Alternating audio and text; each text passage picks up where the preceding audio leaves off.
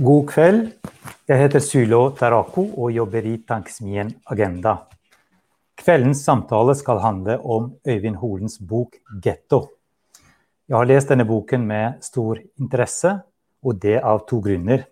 Det ene er at jeg som innvandrer som har bodd på Fjell i Drammen, kjenner meg igjen i den frustrasjonen over å bo i en bydel med dårlig omdømme.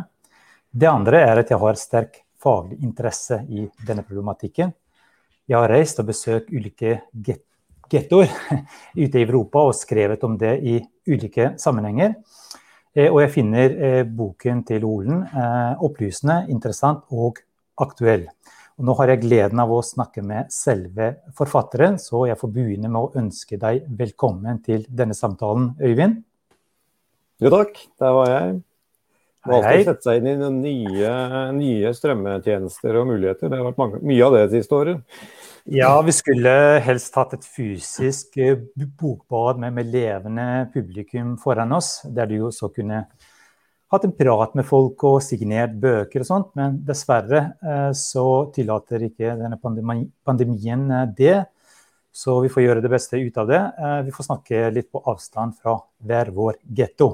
Ja, det passer jo bra, for det var på dette kontoret jeg skrev eh, store deler av boka. Hvor jeg gikk inn i selvpålagt sosial isolasjon i, i, januar i fjor. To, to, måneder før eh, pandemien rammet oss. Jeg var, jeg var i og for seg godt forberedt, og det tok vel noen måneder før jeg merket at det var noe endring der ute.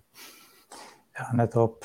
Eh, dette arrangementet eh, er et samarbeid mellom Tanksmien Agenda, hvor jeg jobber, eh, Respublika, altså forlaget som har gitt ut denne boken, og eh, Deichman Stovner.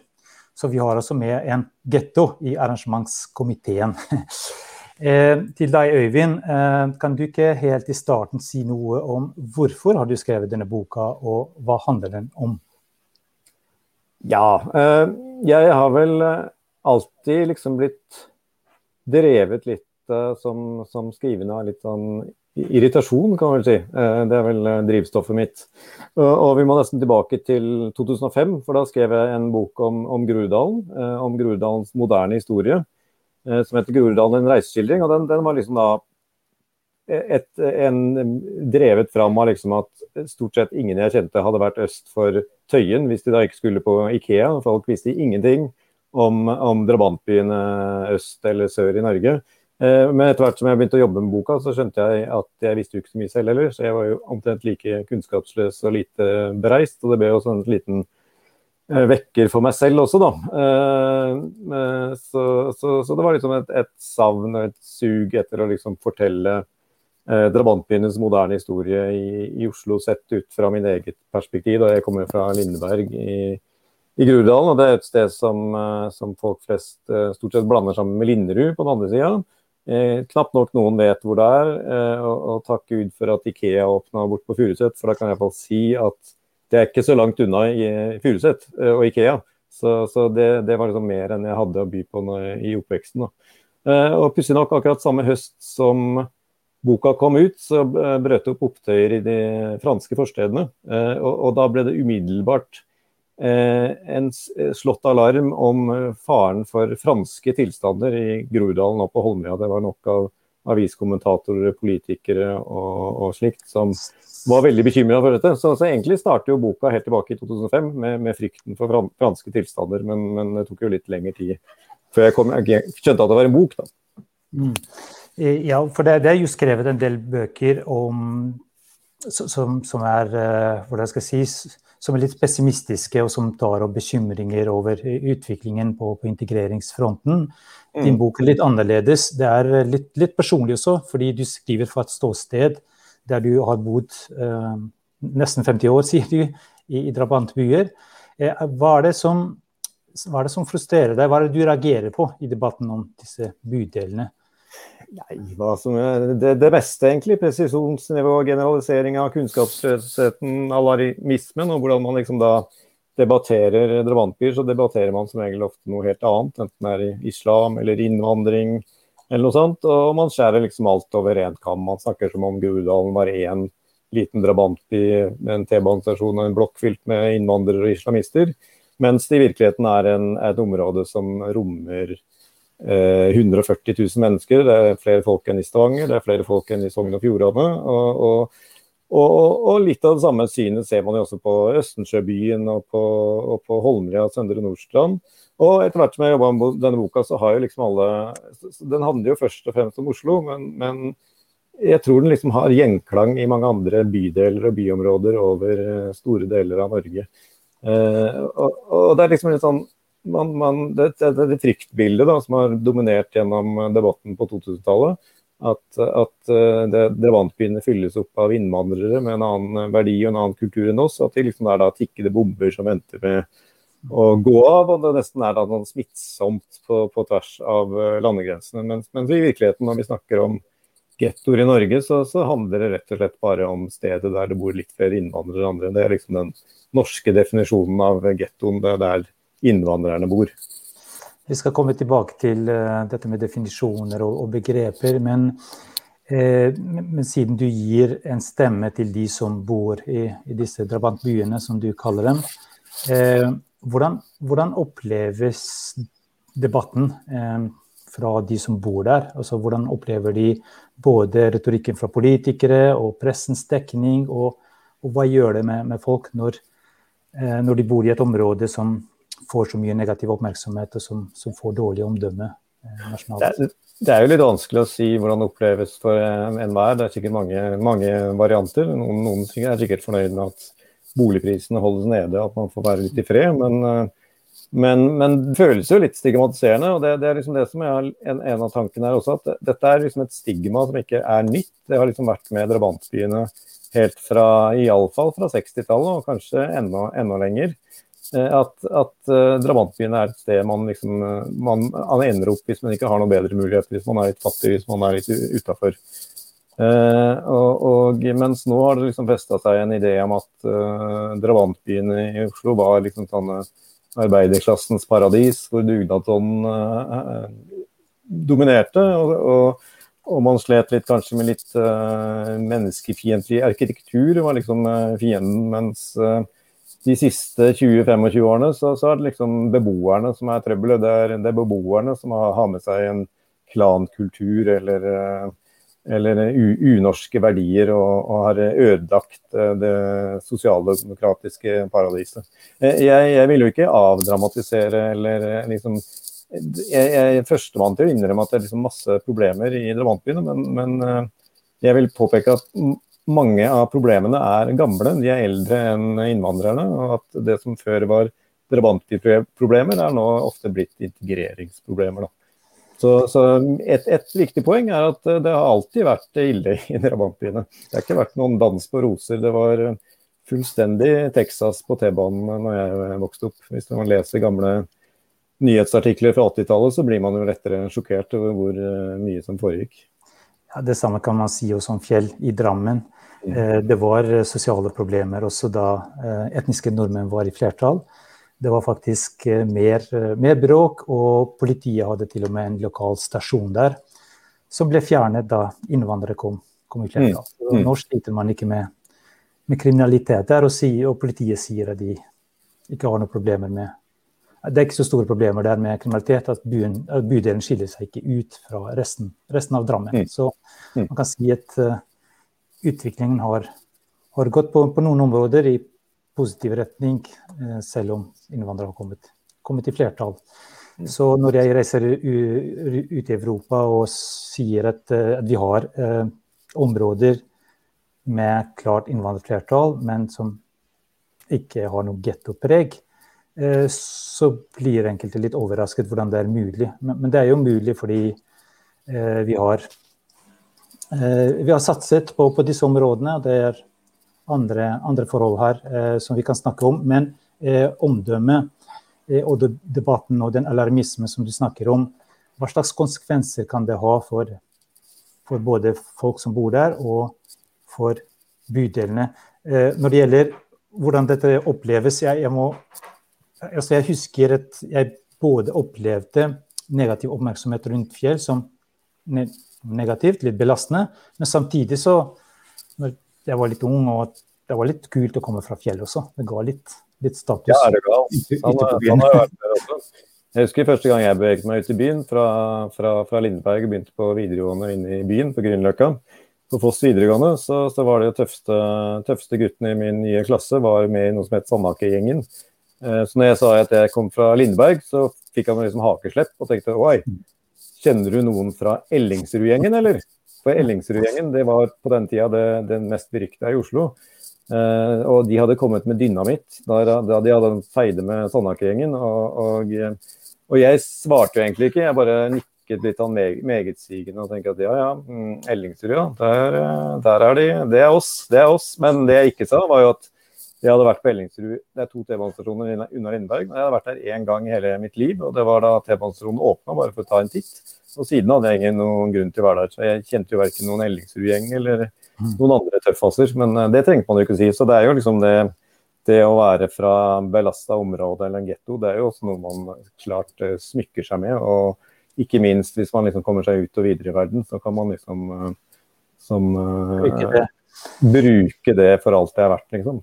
Eh, men, men, samtidig så, så, er det mange som liksom blir føler seg liksom det, det, det, ligger nesten sånn Det var en lærer jeg snakket med som, som, som følte liksom at henne, en barneskolelærer, at det lå liksom en sånn forventning om, om nederlag. Det lå liksom så mye på, på skuldrene til de som vokser opp, som, som liksom er Enhver liten sånn uh, bråk eller sånn blir jo lett nasjonale nyheter og debatter. Mange, mange tror jo at de vet veldig godt hvordan det er, og hva slags folk som kommer fra det. Så, så det, det, er liksom helt Og dette er heller ikke noe nytt. Det var tilbake til Stovner-rapporten i 1975. så det, Den førte jo, den fikk veldig mye oppmerksomhet. Det var liksom festa seg et eh, en idé om at barn på Stovner eh, ikke kunne lese og var, helt uh, tilbakestående, nærmest, analfabeter.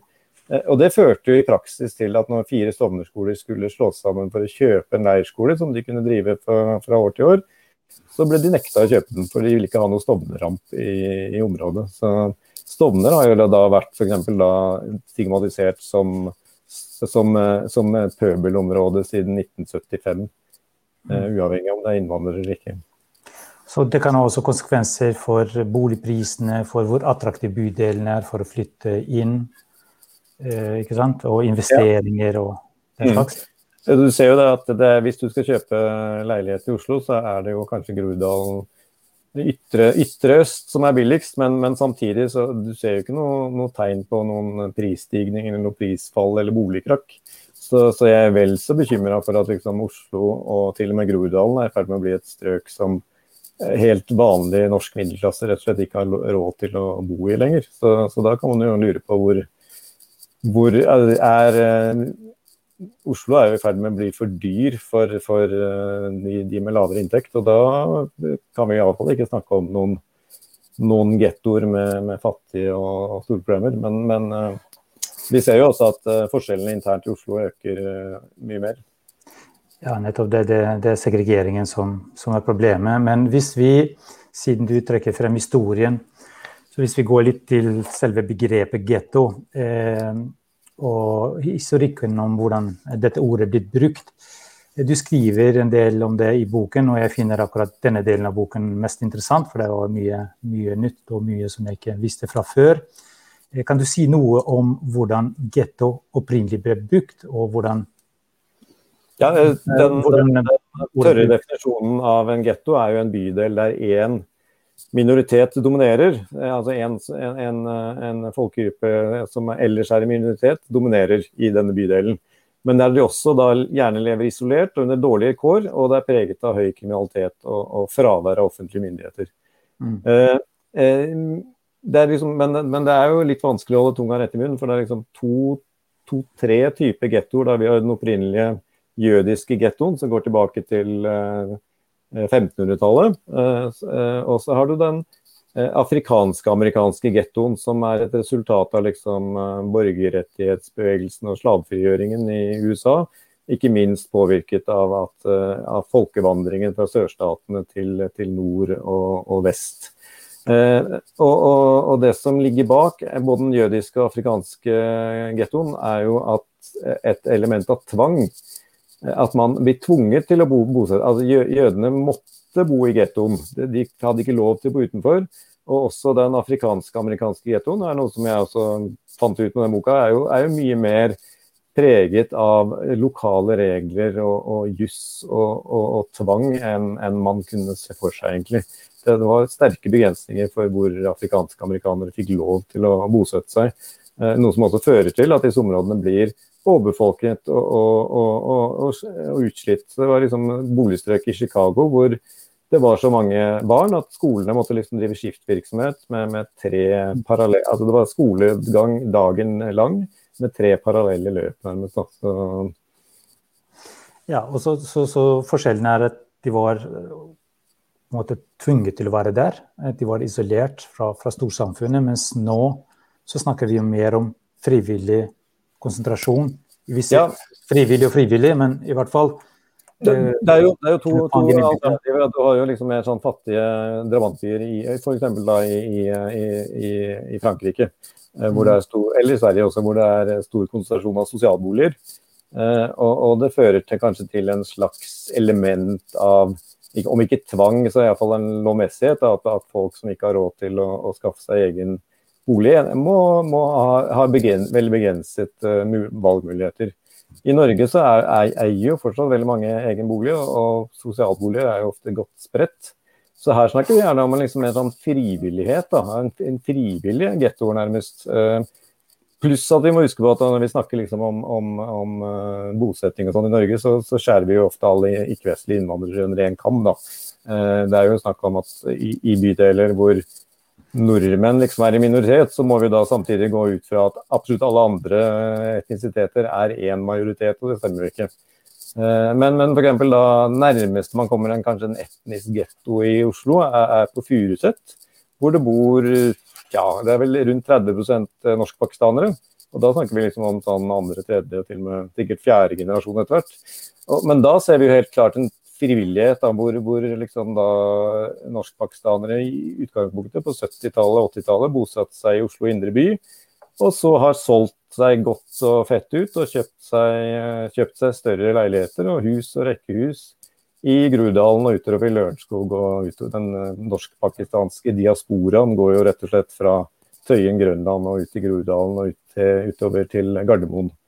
Eh, jeg husker, jeg husker jeg så så Cezan Sjakar hadde flytta til Frogner, leste SM. Og da tenkte jeg da gjør han akkurat som alle andre norske forfattere skal flytte til Frogner eller Nordstrand. Men det viste seg at det var Frogner ut mot Gardermoen. Det andre, andre Frogner, som er jo litt mer typisk eh, norsk-pakistansk bosettingsmønster. For de kom også, de dominerte litt på Grønland, men så begynte de å flytte utover. Og så er det somaliere som har eh, bosatt seg i større grad da, i Grønland og, ja. og Tøyen. Mm. ikke sant? Mm. Så det skjer endringer. I, I Drammen så var tyrkere veldig konsentrert på fjell, men nå er det en større blanding. da.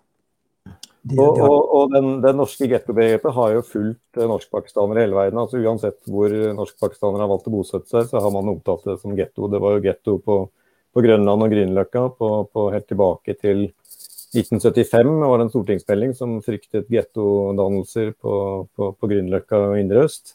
Og, og, og utover på 80- og 80-tallet så fryktet man jo allerede da liksom, opptøyer med innvandrerungdom og meglere som ikke kunne selge i gettomarkeder og osv. Jeg kommer selv fra, fra det tidlige Jugoslavia med, med stor etnisk mangfold, og vi har aldri brukt ordet getto, men, men der bruker man heller ordet enklaver. Altså, ja, det, det, skulle jeg jo egentlig si. Det, enklave er jo da, hvis vi skulle snakke litt sånn definisjonsmessig, så er jo da getto er tvang, mens enklave er frivillighet. Så når man snakker liksom om gettoen på Ullevål Hageby, så blir det bare det fjas. Men, mens en enklave er jo mer naturlig, da. Men det er samme med liksom da den, den tamilske enklaven på Veitvet, eller den pakistanske enklaven på Furuset. Og så har man Chinatowns i ulike steder i verden. Ja, men China var også, kinesiske gettoene i USA var jo også preget av en viss tvang. De, mhm. de hadde også sterke begrensninger for de fikk lov til å begrense seg. Det var, det var svarte og kinesere, de ville man ikke slippe fri, da, men med en sånn italiensk eh, getto, eller ikke minst den norske gettoen i New York, Lapskaus boulevard, det var jo ting som man søkte sammen i trygghet, kanskje. da, og Så ble man etter hvert eh, med, en, med en generasjon eller to inntatt i den, i den, amerikanske majoriteten. Det er jo lett å glemme at italienere, spanjoler og, og, og katolikker især eh, var jo sett på som nesten underklasse og, og undermennesker i USA i, i, på 1800-tallet. Uh, og, og, det er først liksom i, i, i på 1900-tallet at de ble liksom en del av den hvite amerikanske majoriteten. Eh, det var det ikke først. Det, det var jo først med John F. Kennedy USA fikk sin første katolske president. De var jo forhatt eh, lenge før det. Så det å søke seg sammen, eh, og klumpe seg sammen, er også en naturlig ting når man migrerer. Det har også ja. nordmenn gjort i USA. og mm. det er helt naturlig. Det, det, man følger seg frem til et nytt land, og man ønsker å være i nærheten av sine egne, som kan fungere som en slags, slags støtteapparat kan gi trygghet, tilhørighet. Mm, og det, det, det, er liksom noe, det, det, er et sånn vanskelig dilemma for, for myndigheter og politikk. liksom da, Skal man liksom eh, spre, spre en eh, innvandrer-immigrantbefolkning, eller skal man godta at man de bor sammen? Hvor, hvor ligger liksom balansen? Så, så der, der, er du de som det, det er jo også folk som snakker mye om det positive i gettoen, eh, selv om det er vel en, en, en mindre stemme som, som, ikke ofte blir hørt. Eh, det var vel eh, Kriminologen Nils Kristi gjorde et forsøk på, for ca. 30 år siden på å liksom ta, ta getto-ordet tilbake, men det gikk vel det gikk vel så der, tror jeg. Men, men han, han, forsket egentlig på, på funksjonshemmede, som han så Eh, hadde stor fordel med å liksom bo sammen og leve sammen med, med likesinnede, og prøvde liksom å overføre det på en, på en eh, innvandrerbefolkning òg, så, så, det er liksom, Skal man tvinge folk til å spre seg mest mulig, eller skal man tvinge folk til å bo sammen? Det er, det er to sider av samme sak. Men problemet i norsk sammenheng blir da eh, den etniske segregeringen, fordi denne konsentrasjonen av innvandrere blir selvforsterkende. Innvandrere kommer inn, og så majoritetsbefolkningen flytter ut. Og da får man også en gjerne opphopning av sosiale problemer og levekårsproblematikk som gjør at den sosiale mobiliteten blir vanskeligere når middelklassefolk flytter ut. Så, ja, men, men f.eks. Adrantbyen i Groruddalen har jo alltid vært sånn, et innvandrerstrøk. Det er alltid dit det, Selv på 50- og 60-tallet så var det jo de med dårligst råd, innvandrere fra, fra resten av Norge, etter hvert fra resten av Europa, fra resten av verden det er et sted man liksom har etablert seg, eh, hatt mulighet til å bygge seg opp, eller, eller bli boende hvis det, man, man uh, står fast. Så det er vel heller snakk om eh, at, at, det er jo et sted som alltid vil, vil trenge eh, hvor, hvor, det vil bli sosiale problemer, hvor det vil bli økonomiske problemer. For det er liksom der de folk prøver å etablere seg, og, og noen vil jo falle gjennom. Men jeg tror heller at det er på tide at man snakker om Sentrum-periferidebatten har jo alltid vært eh, ledende i norsk politikk siden andre verdenskrig. Eh, og, og, og, man har liksom vært veldig opptatt av å beholde en spredt befolkning, men, men det er på tide å liksom se litt nærmere på sentrum-periferidebatten internt i en bysammenheng. For, for det, som, som eh, Grorud og drabantbyboer hele livet, så er det jo veldig tydelig at, at Oslos drabantby lider av ganske stort demokratisk underskudd. Eh, det kom en NOU rett før jul som slo fast svart på hvitt at, at det, var, det, var, liten tvil om at eh, storbyene i Norge får altfor lite midler til å kunne bøte på problemer i brannbyene. Eh, for det er såpass mange mennesker som bor der. Når jeg skrev boka mi første i 2005, så hadde Grudalen ingen representanter på, på, Stortinget. Det var det samme høst som Jan Bøhler ble valgt inn som den, den eneste. Men, men, samtidig så er jo alle selv om det er litt bedre nå, så er jo Grorud eller f.eks. på tinget de er jo Oslo-representanter. Eh, eh, mens Sogn og Fjordane med like mange innbyggere har fire stortingsrepresentanter er vel, som, som, skal representere fylket sitt. da. Så, så det gjelder vel også, også da f.eks. Eh, boligstrøk i Bergen og, og, og, Stavanger og Trondheim også. da. Så man, man havna liksom i en skvis mellom å være en liten eh, by og storby er et sted sånn midt imellom ingenting. Og siden du nevner den NOU-en da, eh, som, som, heter nå husker jeg ikke det, men det, det heter noe om levekår i store byer. I store byer, tror jeg helt riktig. Ja, eh, og der tar de og drøfter litt den danske getoplanen og ser ja. den, sammenligner det med, med, norske forhold. Mm. Eh, men først eh, til liksom seere der eh, om, om, danskenes bruk av ordet getto, fordi der har de formalisert den, eh, det begrepet. De har noen spesifikke kriterier for når man skal kalle en bydel for getto. Mm. og så har de en gettoplan som er veldig ambisiøs. Mm. og det tror jeg ikke har skjedd før noe sted i verden? Ikke, nei, jeg tror ikke det. Altså, så ambisiøs og så, så drastisk som, som det uh, har jeg ikke sett noen andre eksempler. Det, det er snakk om også riving av, av bygninger og, og, det å kaste folk ut. Mm. Uh, og mm. Dobbeltstraffer og en del sånne ting. Uh, men selve begrepet, du problematiserer det litt i, i, boken. fordi det første kriteriet er at innvandrerbefolkningen må være i flertall, altså over 50 mm. mm. Eh, og så kommer de resten etterpå eh, med altså at det må være minst 40 eh, Eller altså at de må være overrepresentert i kriminalitets... Ja, jeg, kan, jeg, kan si det, jeg kan si det ganske kjapt. Det, det må være minst 40 av de voksne må stå utenfor arbeidsmarked eller utdanning. Mm. Andel beboere som er dømt for overtredelse av straffelov, våpenlov eller lov om narkotika må være tre ganger høyere enn landsgjennomsnittet. Mer enn 60% av beboerne mellom 30 og 59 har bare grunnskole. Og så er det noe på inntekt at gjennomsnittlig inntekt for skattepliktige skal være mindre enn 55% av snittet for samme gruppe i regionen.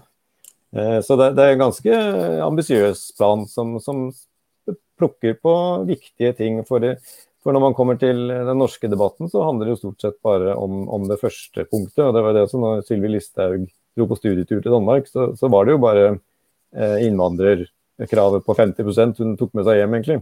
Så, så det blir jo for enkelt. For da, da, sier vi at det automatisk er et problem at, eh, at eh, det bor mange innvandrere et sted. Det, det er ikke nødvendigvis at det, hvis, hvis det er problemet, så, så, har vi et problem, som jeg pleier å si.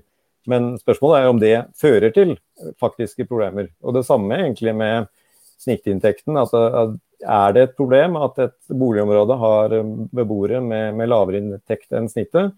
Et sted skal jo de med lav inntekt bo, men det kan igjen føre til andre problemer. Så, så det danske forsøket her er jo, var jo prisverdig, og jeg ser tankegangen bak det. Liksom, at man, man, man, man, får noe mer konkret å snakke om. En, en, og det har vi jo ikke hatt i Norge.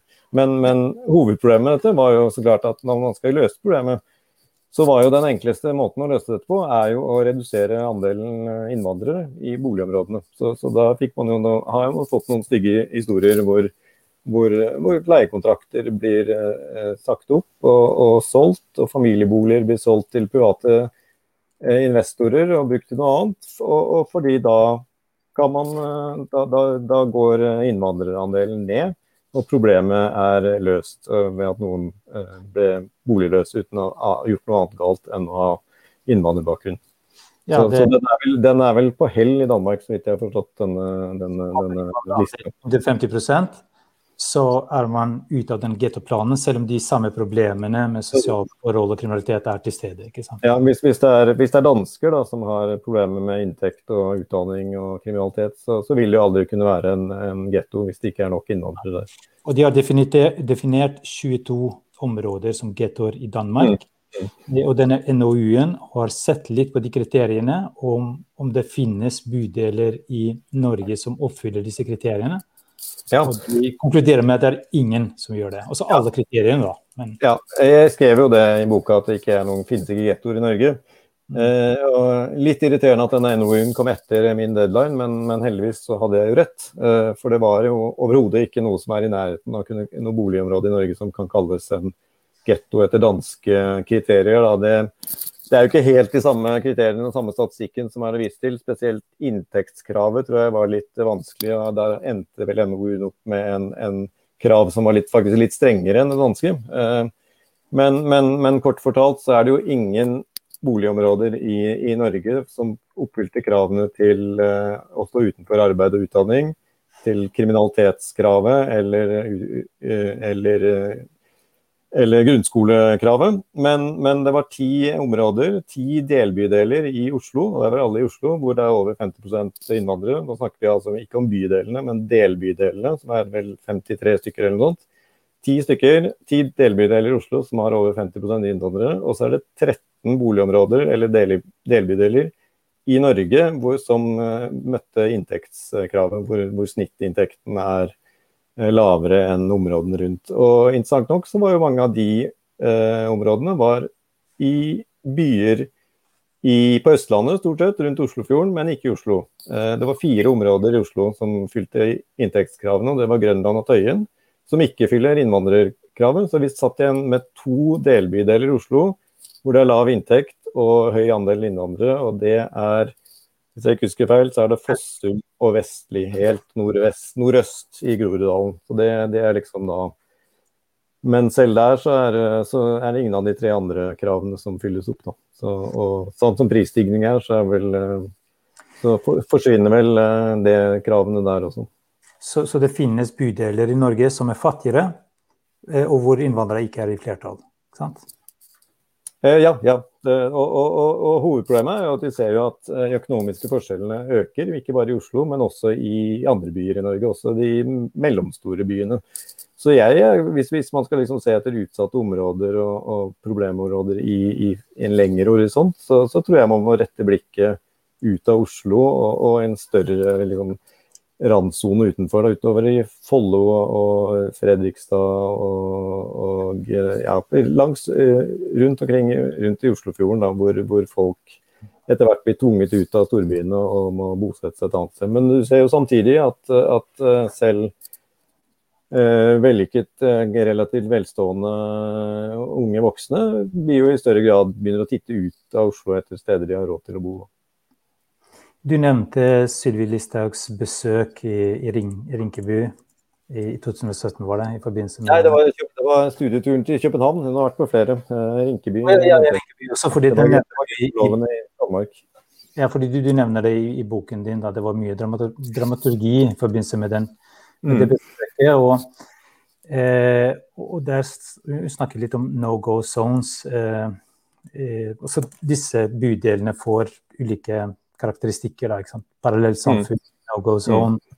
Svenske tilstander er jo da vi, vi, vi, har jo snakket om Da tenker man ikke så mye nødvendigvis på sosiale problemer, men kriminalitet er et viktig stikkord. Og når det gjelder Sverige, så, så, er det et reelt problem. Altså, det er jo eh, mye kriminalitet i, i, i, forsteder utenfor Malmö, Göteborg og, og, Stockholm. Jeg har besøkt flere sånne steder. og eh, og der er det mye mistillit da, mot, mot samfunnet. Ja. Politiet ja, ja. sliter litt med, med, med, sin tilstedeværelse der, og ikke bare politiet, men til og med ambulansen og sånt. Så, eh, så, man har et poeng da, at utviklingen har gått veldig galt der, eh, når man advarer mot svenske tilstander i, i Norge. Mm. Jeg, jeg, hadde jo opprinnelig, opprinnelig, så var tanken for boka å, å gjøre, å, å reise litt mer og dra til København og til Sverige. Men, eh, men, så kom koronaen, så jeg ble, litt mer eh, hjemmefast. Jeg tror egentlig det var en fordel, for det, for det, det er nok av bøker og, og forfattere som har, har, har, tatt den turen og skrevet de sammenligningene.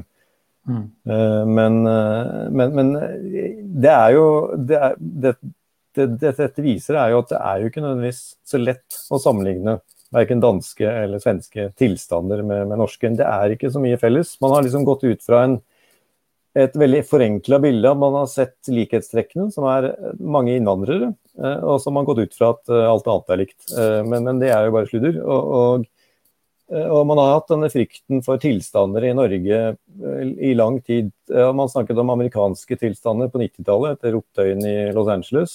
Så var det altså franske tilstander i 2005. Så var det en liten bølge med danske tilstander, eller opptøyer i, i København.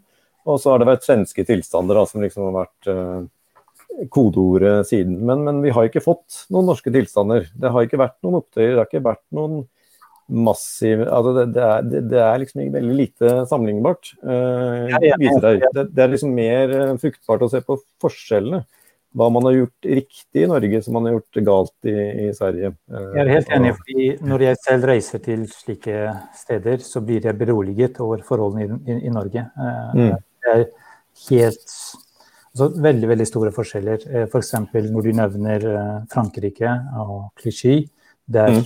opptøyene begynte i 2005, og som er på en måte selger sin bolig på innvandrergettoer i, i, i, Frankrike.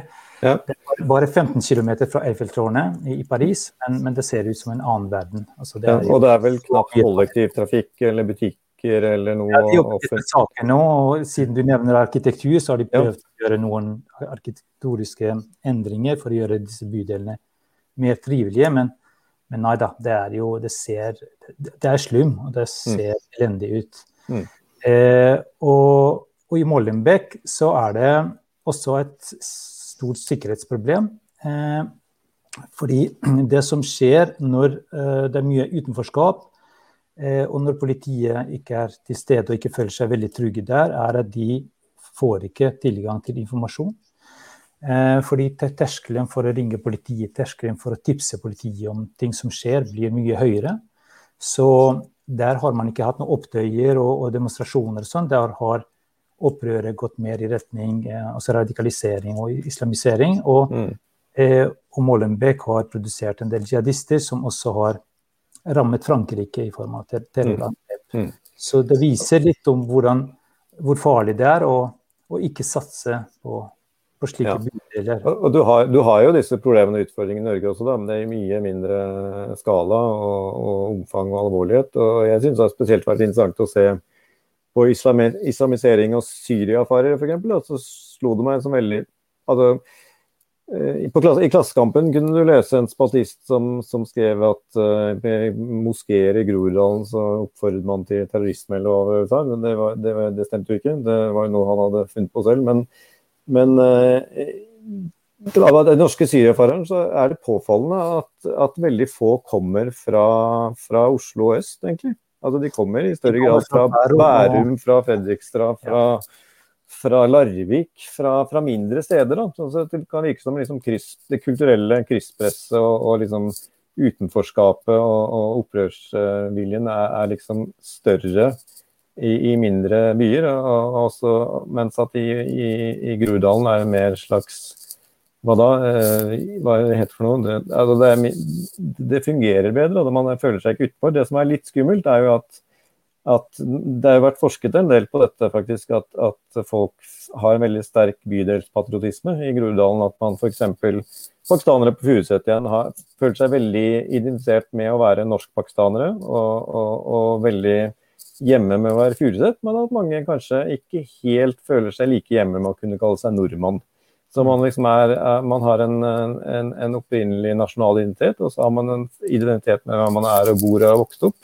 Og så man ikke, føler man ikke at det er helt plass til seg selv i det norske eh, samfunnet.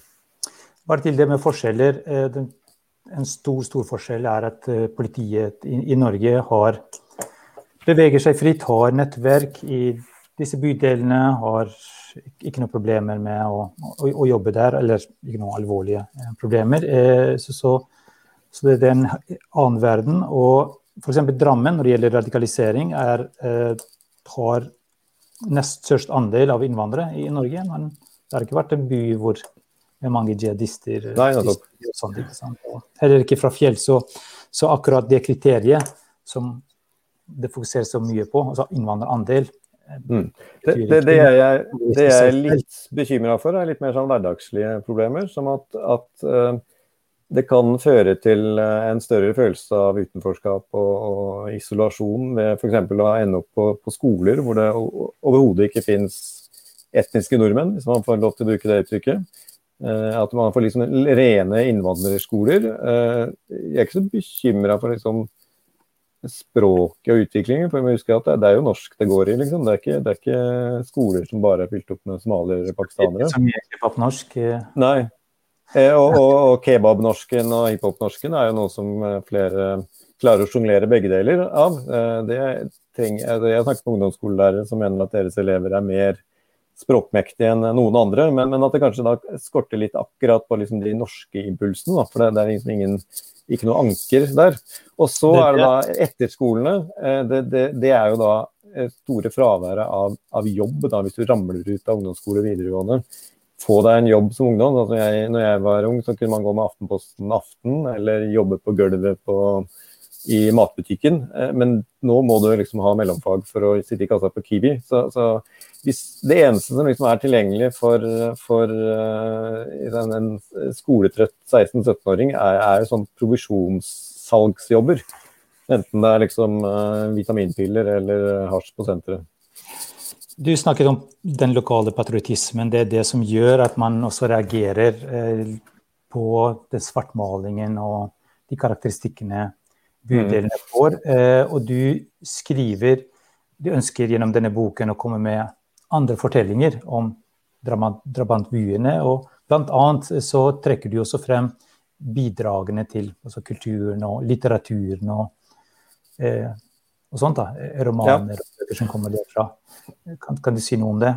Ja, sannheten er jo at det ofte er veldig kjedelig i drabantbyene. Det skjer, skjer, veldig lite. Eh, og, og, der tror jeg har vi fått en uh, liten det var, det var veldig mye Du snakker om Groruddalen som jeg kan best, så var det jo veldig mange som har skrevet om uh, drabantbyenes barndomsår. Da, Jan Kjærstad, Per Petterson og, og Roy Jacobsen. Og så ble det et lite vakuum for min generasjon, folk som er født på 70- og 80-tallet. Da, da fantes det veldig få bøker. Da var det rapperne som tok over.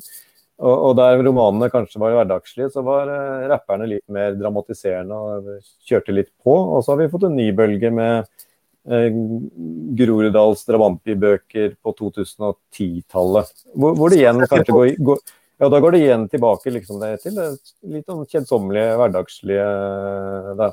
Eh, det, det jeg syns er synd, er liksom at det er, jo, det, det er jo fortsatt Jeg tror jeg fortsatt kan telle på én hånd eh, drabantbyromanene fra, fra andre byer i Norge. Eh, der, er det, der står det, det, det er fortellinger som ikke er blitt fortalt.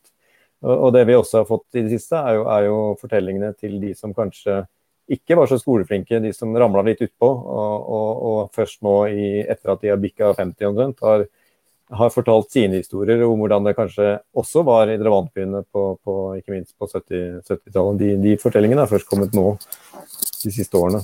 Så, men, eh, men, men, eh, disse bøkene og musikken gir jo liksom et annet, eh, mer sånn hverdagslig rapport fra, fra drevantbyene, et sted som man liksom stort sett ofte bare får med seg når nyhetsjournalistene rykker inn når det har skjedd noe. Det, det er noe som har felles med små steder i hele Norge, egentlig. Ikke sant. Og apropos bøker, eh, du nå bidrar også med, med din bok. Eh, og kan du si noe om hvordan den er blitt tatt imot, og hva håper kan bidra og tilføre debatten om innvandring? Jeg kan vel, kan vel ikke klage på, på mottagelsen. Det har stort sett vært hyggelige kritikker. Jeg vil merke til at er kanskje noen bokanmeldere som ikke helt har catcha hva, hva boka handla om. Jeg tror Klassekampen klarte å misforstå det meste, både i ingress, altså budskap og konklusjonen og selv den litterære formen bomma de på. Men, men, så, så, men da, da, da, er det morsommere liksom at man, man, treffer de som dette faktisk gjelder. Da.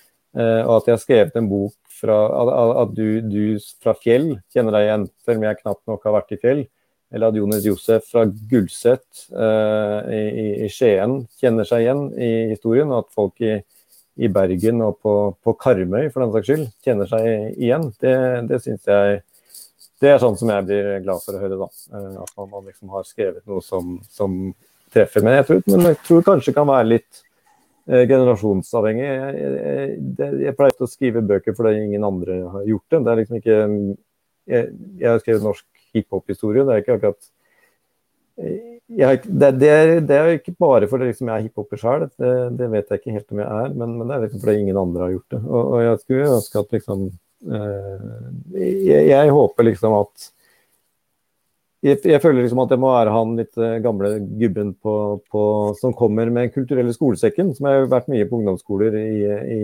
Groruddalen. og jeg tror liksom der samme behovet som jeg hadde for å fortelle at det var ingen som fortalte om den moderne historien til drabantbyen jeg vokste opp i, så tror jeg ikke det er noen som har fortalt disse skoleelevene som, nå, som vokser opp i drabantbyen nå, eh, at det, det, det, dere føler og kjenner på, det er ikke noe nytt. Det er veldig likt fra de som er eh, eldre. Kanskje helt, altså, det som er hvit kar som pusher 50 ender opp med å faktisk kjenne meg igjen i, i Tante Ulrikkes vei, for det er såpass mye som er felles for, for meg som, som uh, nordmann. Eh, som en uh, norsk-pakistaner så har Stovner også kjent, kjent, seg igjen i. Eh, samtidig så har jeg liksom da, jeg vokste opp, kanskje første generasjon som vokste opp med mange nasjonaliteter rundt omkring i borettslaget. Altså I 1990, altså for 31 år siden, så var det underskriftskampanje i mitt borettslag for, å, å, for, at noen ville ha en, en, regel om hvor mange innvandrere som kunne bosatt seg i borettslaget. Så. Yes, jeg ser at vi har fått noen spørsmål fra publikum. Ja. Jeg har også sett at det skjer noe i margen her, men jeg har ikke klart rukket å lese, hva, lese det. Men jeg ser at det beveger seg i, i sida her. Ja, jeg ser noen her. Um, eh, Andreas Brekke sier en ting jeg syns er spennende er å se på drabantbyenes opprinnelige funksjon. Hvordan de var tenkt å fungere, og hvordan det ikke gikk som tenkt. Tror du det er noe i selve drabantbyenes utforming som kunne ha gitt dem en helt annen utvikling? Definitivt. Og, og, dette, de fryktet jo faktisk svenske tilstander. Jeg tror allerede på 1950-tallet så snakket man om svenske tilstander i, i, i det drabantbyene begynte å reise seg. Og da så man jo mot Sverige at man hadde laget uh, sovebyer. Og, og, og, steder hvor folk, bare, folk, bodde og lite annet skjedde. Og det ble jo egentlig mønsteret i, i, Oslo også. Det var jo, det er viktig å huske at det var boligkrise. Man skulle bosette 100 000 av mennesker på veldig kort tid. Og det var jo et enormt løft, det er uten sidestykke i norsk historie, å få bygd så mange boliger. Men tanken var jo at man skulle ta sted å bo. og så skulle man så skulle man jobbe i, i, byen. Så kommunikasjonen gikk bare fra drabantbyene til sentrum. Det er jo fortsatt eh, enormt vanskelig å liksom bevege seg kollektivt eh, på tvers. Hvis man skal til eh, fra Ellingsrud til Oppsal, liksom, er jo en større ekspedisjon. Så alt er liksom tenkt sentrum-periferi her. Og, og, og, det var liksom da og det, det har vært lite det, det er, Man bygde ikke på Nå, nå har man bygd, mer begynt å bygge på liksom bymaner igjen, da, sånn som man er på Torshov, hvor det er liksom næringsområder og kafeer mellom husene.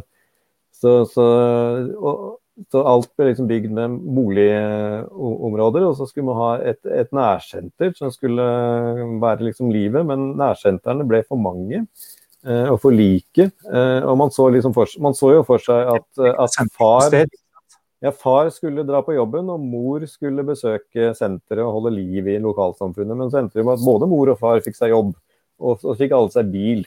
Det var heller ikke med, så, så det endte liksom med at handling og senter det var noe man gjorde én gang i uka, ikke hver dag. Og det førte til at vi i dag har det som jeg kaller masse zombiesentre som står rundt, da, hvor det liksom er en kiosk og en, kanskje en frisør hvis man er heldig, og en matbutikk og, og lite annet. Da. Så de fungerte ikke som sosiale økosystemer, men mer som sovebyer? Ja, det ble, det ble sovebyer, og det er jo de opprinnelige svenske tilstander som man var redd for, da. Uh, og det, det, det, er liksom ikke sånn, det er jo ikke noe sentrum noe andre sentrum, men det er ikke noe sentrum for Groruddalen, det er ikke noe sentrum for Østensjøbyen hvor man, uh, hvor man liksom kan møtes og ha litt uh, Eh, større tilbud som krever et større publikumsgrunnlag. Alt, alt, det er jo forbannelsen og gleden med å bo i drabantbyen. og vokse opp på Lindeberg, er jo at sentrum er jo veldig lett. Det er jo bare 15-20 minutter unna med T-banen, så hvis man skal gjøre noe, så drar man ut til byen. Men, men Grunnløkka har fått en annen utvikling, og Tøyen også. Det, det skjer ting der også. Ja, det er jo by, den gamle måten å bygge by på, da, hvor, hvor det liksom er uh, liv og røre mellom husene. I første, første etasje er det jo butikker og gater og kafeer. Men så er det også et ord som brukes eh, for å beskrive den eh, utviklingen, altså gentrifiseringen. For på Tøyen så har du uh, sterk konsentrasjon av, av, innvandrere, og så har de store sosiale problemer og fattigdom. Men så har de også fancy kafeer og sånt hvor etniske nordmenn dominerer. Mm. Eh, det ser mangfoldig og, og, fint ut, uh, men er det også et, et, problem med gentrifisering? Gentrifisering har jo mange positive sider, men det har jo også mange negative sider. Det er jo en, del av som, som, alle som har liksom pusset opp en, en, en pub, uh, har sett, en, brun, sliten pub. Hvis man pusser opp den og er fin, så er det jo da noen det ikke er plass til lenger, og det er jo de gamle stamgjestene. Så, så mye av gentrifiseringen og, og, byfornyelsen ikke minst på 90-tallet endte jo liksom med å, å skvise ut uh, gamle beboere. da. Så, så Grünerløkka var jo et sted for innvandrere og pensjonister uh, på 90-tallet. Det var jo et sted som uh, meglere trodde de ikke kunne selge boliger. Så, og så ble det jo på samme måten som liksom drabantbyene var the hot, den greia. Folk flytta ut fra indre sentrum, fra utedass og slum til, til liksom heis og vannklosett, så, så, gjorde Indre by et grusomt comeback da, fra 90-tallet og oppover. Og da flytta folk inn til byen igjen. Men, men, men det store problemet med, med, Oslo indre by er jo at det ikke er Det er veldig liten plass til eh, barnefamilier. Så det, det er jo gjerne et sted man bor som ung og kul, og så får man liksom to-tre barn, og da finner du fort ut at det ikke er plass til familien hvis du ikke skal bo på en treromsleilighet. Det, er ekstremt få familieleiligheter i sentrum, så det, det er jo liksom et, uh, nærmest et samfunnsproblem hvis familier har lyst til å bo i byen. Så er jo det noe du må betale skjorta vel så det for. Tilbake til eh, kommentarfeltet. Eh, for du skriver eh, en del om pressedekningen, og vi har ikke snakket så mye om det her, men jeg ser at vi har fått et spørsmål om det. Ta gjerne også opp det mediale skillet øst-vest i Oslo, eksempelvis for masseslagsmål og alvorlig ungdomskriminalitet i vest tilnærmet ingen dekning i riks- og tabloidpressen. Kolossal dekning hvis tilsvarende skjer på Holmlia eller Stovner. Det er nok eh, helt riktig. fordi uh, altså, Det man har sett som frykten for franske-svenske tilstander, er jo at enhver ungdomsbråk eller, eller enhver brennende bil eller kastende stein eller uh, revolverskudd i Groruddalen er jo automatisk nesten en riksnyhet. Mens det i andre steder er stort sett noe for lokalpressen om, om den finnes. Da. Så, så det er jo det at, at brå, ungdomsbråk og, og, kriminalitet i Oslo øst blir sett på som et symptom for noe større og langt mer, mer alvorlig eh, enn en bare ungdomsspråk. Eh, det var jo litt sånn som da jeg vokste opp, så var jo, var jo ungdomsspråk og gjenger og masse slagsmål det var jo stort sett eh, mat for den lokalpressen som, som, fantes. Det var liksom Aftenposten Aften som, som, skrev om det, men det var ikke på det kom ikke på Dagsrevyen, sånn som det gjør i dag. Du, du, du, sier i boka noe om gettoens, altså ordets funksjon, altså at vi, vi trenger mentale gettoer. Eh, kan du si noe om hvorfor eh, trenger vi getto også, hvordan, hvordan, dette brukes som, som verktøy i, i, debatten? Sånn som jeg oppfatter det, så brukes jo getto mer som en sånn uh, advarsel og skrem, skremsel for, for uh, folk som ikke bor der.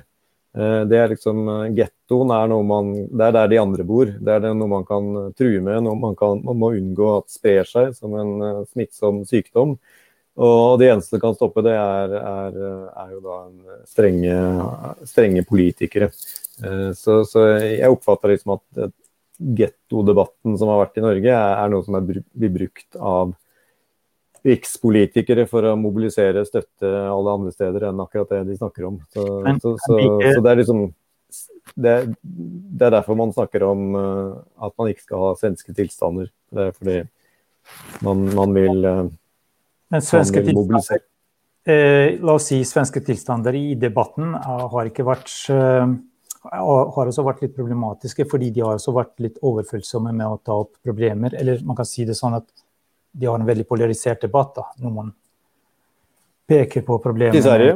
Ja, I Sverige, ikke sant? Ja, ja, ja, Svarer med at nei da, det, det går bra og sånt. Eh, kan ikke, også, vi kan risikere å gå i den andre grøfta hvis, hvis det blir veldig vanskelig å ta opp f.eks. økende ungdomskriminalitet i, i bydeler. Ja, jeg føler jo ikke at det er noe som ikke debatteres og jobbes med. Det, det er jo som det er noe som har slått meg med boka her, at med, veldig mange av disse, Vi er jo veldig klar over problemene som finnes, og det er veldig mange mennesker som jobber med det og, og mot det. Men, eh, men jeg vil kanskje høre litt mer på folk som, som faktisk jobber, jobber, med dette, enn en folk som liksom bare kommer noen seipende generaliseringer om at alt er uh, forbi Groruddalen og Oslo er en tapt uh, arena. Og vi må nesten bygge en mur rundt byen for å holde bråket innafor.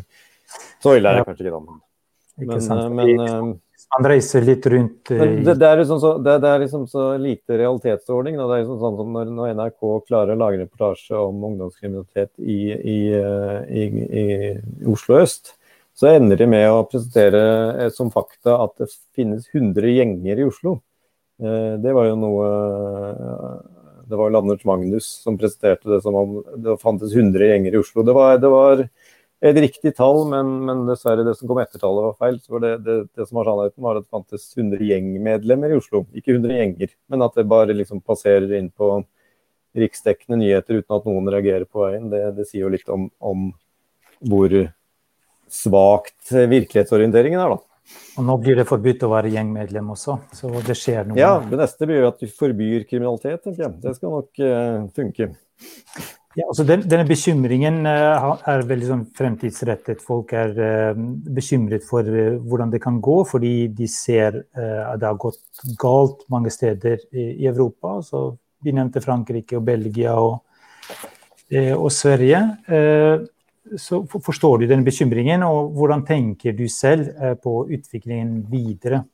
Jeg tenker at eh, man heller burde perspektiv her, ikke sant? Jeg tenker at han heller burde rett og slett studere Oslo for å se hva som går bra, og hva som har gjort riktig. Egentlig burde jo svenske politikere og nederlandske, og belgiske og franske politikere reise på studietur til, til Groruddalen for å se hvordan ting, man gjør ting her. Men, eh, men, det er jo klart at det er jo, det er jo utfordringer. Er økonom, altså, de økonomiske skillelinjene blir større. Eh, flere vil falle utenfor. Eh, men det handler jo liksom om mer en sånn økonomisk fordelingspolitikk og, enn det gjør eh, Det er liksom så lett å skylde på, på de som bor der, og, og skylde på deres kultur og religion. Det, det er liksom det enkleste som fins. Men, eh, men altså hvor hvor vanskelig er det liksom ikke da å etablere seg i et, uh, i et nytt land og, og, slå seg opp? De fleste vil jo bare leve et helt vanlig liv og, og, og ha en jobb og få til uh, smør på brød.